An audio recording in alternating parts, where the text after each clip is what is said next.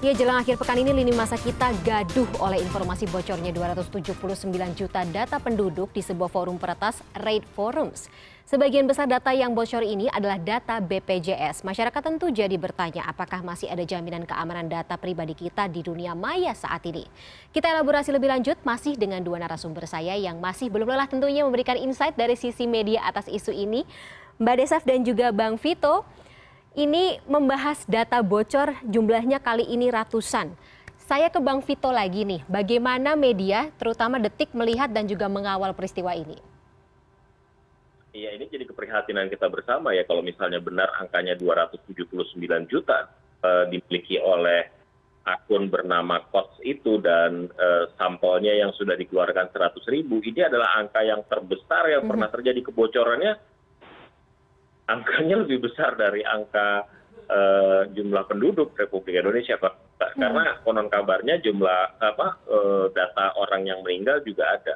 Tapi beginilah Fani, uh, ini juga sebenarnya jadi cermin. Siapa pun lah ya, kita nggak mau menyalahkan institut, institusi apa segala macam. Tentu saja institusi yang lalai harus uh, dibenahi dan uh, apa namanya uh, orang yang bertanggung jawab harus uh, diberikan sanksi. Tapi menurut saya kondisi kan terjadi sekarang sekarang ini aja ya. Sebelumnya e-commerce bocor juga datanya.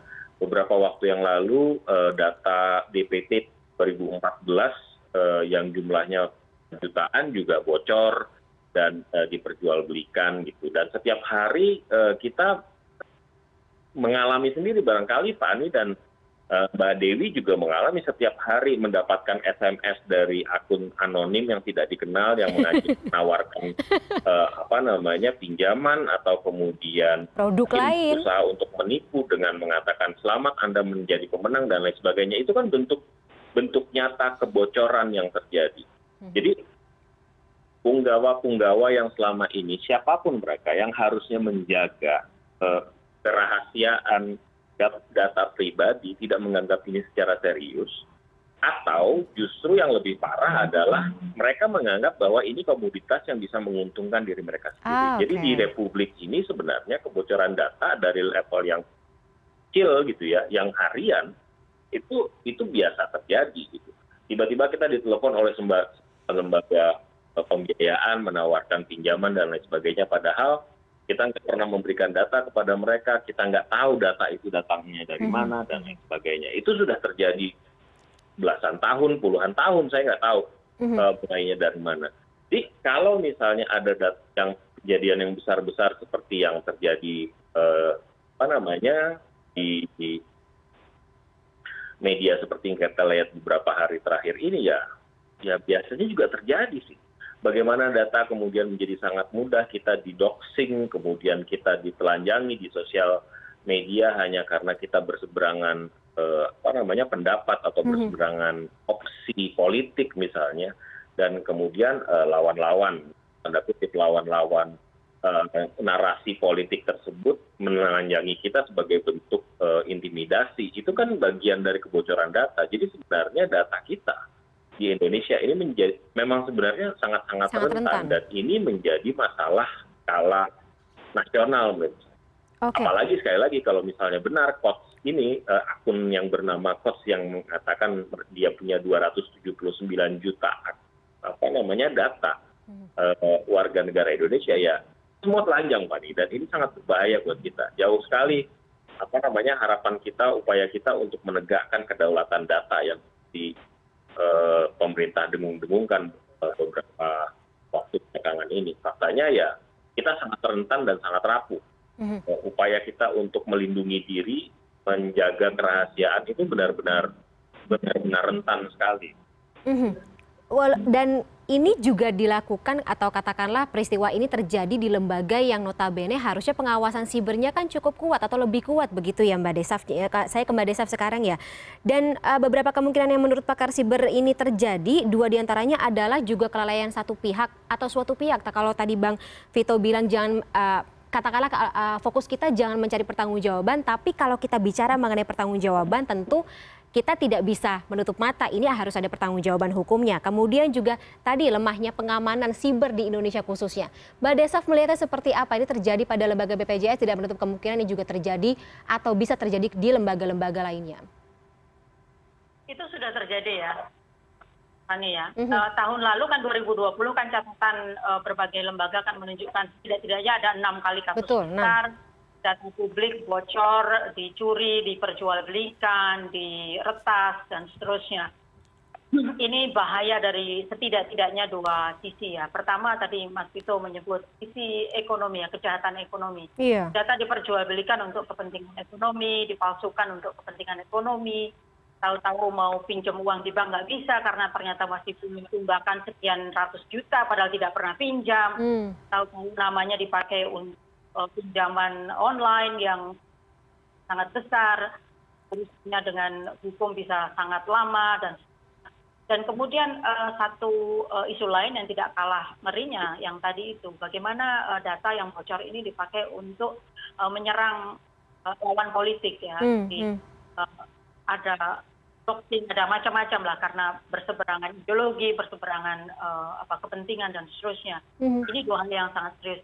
Nah yang sangat kurang dan saat ini sangat kita tunggu adalah enam kasus itu kabarnya gimana? Betul, sih? betul. Penanganannya sampai sejauh untuk ini seperti ya, apa ya? Untuk sampai pada proses perbaikan, kita tak, kita perlu melakukan evaluasi. Untuk sampai pada evaluasi, kita perlu investigasi dulu apa masalahnya, mm-hmm. di mana uh, kita kemudian bisa mengidentifikasi titik-titik mana yang dianggap lemah, bagaimana titik-titik itu bisa diperkuat, diperbaiki, dan kalau kemudian kita ketemu pada kelompok kelompok yang memang melakukan ini dengan saja maka kelompok itu harus mendapatkan hukumannya ya harus ada sanksinya apakah di dalam maupun di luar pemerintahan nah, ini yang sampai sekarang masih jadi kita menganggap bahwa kalau kita. Media dan publik menganggap ini sebagai hal yang sangat biasa gitu ya. Oh kemarin sudah kejadian, sekarang kejadian lagi, besok hmm. kejadian hmm. lagi. Nggak, nggak, kita nggak boleh begitu karena ini sangat tadi Mas itu mengatakan sangat berbahaya betul, ini sangat berbahaya dan uh, uh, data pribadi nggak ada harga dirinya di Indonesia ini. ini, ini ngeri gitu ya. Ini mengerikan sekali mana kita membangun martabat uh, kita sebagai negara yang uh, berdaulat gitu ya kalau data-data kita dengan begitu mudah bisa Betul. diambil oleh siapa pun termasuk mereka yang tidak tinggal di Indonesia dan bisa dipakai sebagai kekuatan untuk menyerang kita. Mm-hmm. Bagaimana dengan rahasia negara ya, Mbak Desaf? Berarti kalau misalnya melihat ini, apakah berkorelasi dengan urgensi pengadaan RUU perlindungan data pribadi? Sejauh apa, Bang Vito dan juga Mbak Desaf? Saya ke Bang Vito dulu deh iya eh, perlindungan eh, rancangan undang undang itu kan sebenarnya apa pun itu adalah eh, ya, regulasi itu kan sebenarnya tools. Tapi yang diharus yang harus dibangun itu sikap mental dan ting tingkat disiplin barangkali pengawasan dan pengendalian terhadap data. Jadi data itu jangan lagi dianggap sebagai sesuatu yang bisa disimpan da dalam namanya rahasia saja tanpa tanpa eh, pengawasan dan uh, security yang yang kuat dan uh, cermat gitu. Jadi tingkat mental kita sih barangkali sekali lagi ini adalah puncak gunung es, Fani menurut hmm. saya. Ngeri. Betul, saya setuju bahwa kalau ini benar-benar bocor, pelakunya harus ditindak sangat tegas, institusinya harus diberi pelajaran yang sangat tegas, apalagi kalau misalnya benar BPJS Kesehatan uh, lalai dalam menjaga Eh, apa namanya data kita yaitu sangat berbahaya sekali karena hampir semua data warga negara Indonesia yang beradministrasi itu pasti ada di BPJS. Mm-hmm. Tapi lebih dari itu menurut saya ini adalah bagaimana kita eh, apa ya mengelola kembali gitu. Eh, bagaimana kemudian sikap mental kita dalam pengelolaan data dan penyimpanan data. Jangan lagi kemudian data itu di ditaruh serampangan sehingga bisa dijadikan komoditas dan uh, diperjualbelikan untuk kepentingan-kepentingan macam-macam. Sekarang-sekarang ini barangkali alasannya memang alasan ekonomi semata, tapi ke depan ya menguasai sebuah negara kan kalau kita punya datanya enak banget. Itu yang terjadi sama pemilu Amerika Serikat yang dituduhkan uh, apa namanya hacker hacker-hacker Rusia terlibat dalam uh, pemilu beberapa tahun yang lalu di mm -hmm. negara itu. Mm -hmm. Kalau Mbak Desaf sendiri seperti apa Mbak Desaf? Saya melihat bahwa uh, isu tentang uh, rancangan undang-undang perlindungan data pribadi tidak-tidaknya punya hal jadi concern ya. Yang pertama bahwa ini mendesak dan uh, sudah sangat penting untuk kita dibahas uh, sebagai salah satu bentuk ikhtiar gitu ya untuk menyelesaikan uh, isu pencurian data ini. Uh, dan undang-undang diharapkan kita akan tahu bagaimana ini aturan main untuk mereka yang bergerak dalam bidang storing data. Uh, marketplace yang ngumpulin data itu datanya ditaruh di mana? Kalau bocor apa sanksinya buat mereka? Ketika menyimpan data apa yang boleh dan tidak boleh dilakukan? Misalnya gini, di Amerika Serikat dan di beberapa negara Eropa jika ada ada aturan di mana sebuah lembaga boleh menyimpan data nasabah gitu ya user atau customer itu cuma untuk tiga tahun saja. Nah itu data harus dihapus harus dimusnahkan. Nah apakah Indonesia perlu mengambil hal seperti itu sebagai salah satu policy? Patut dipertimbangkan ya.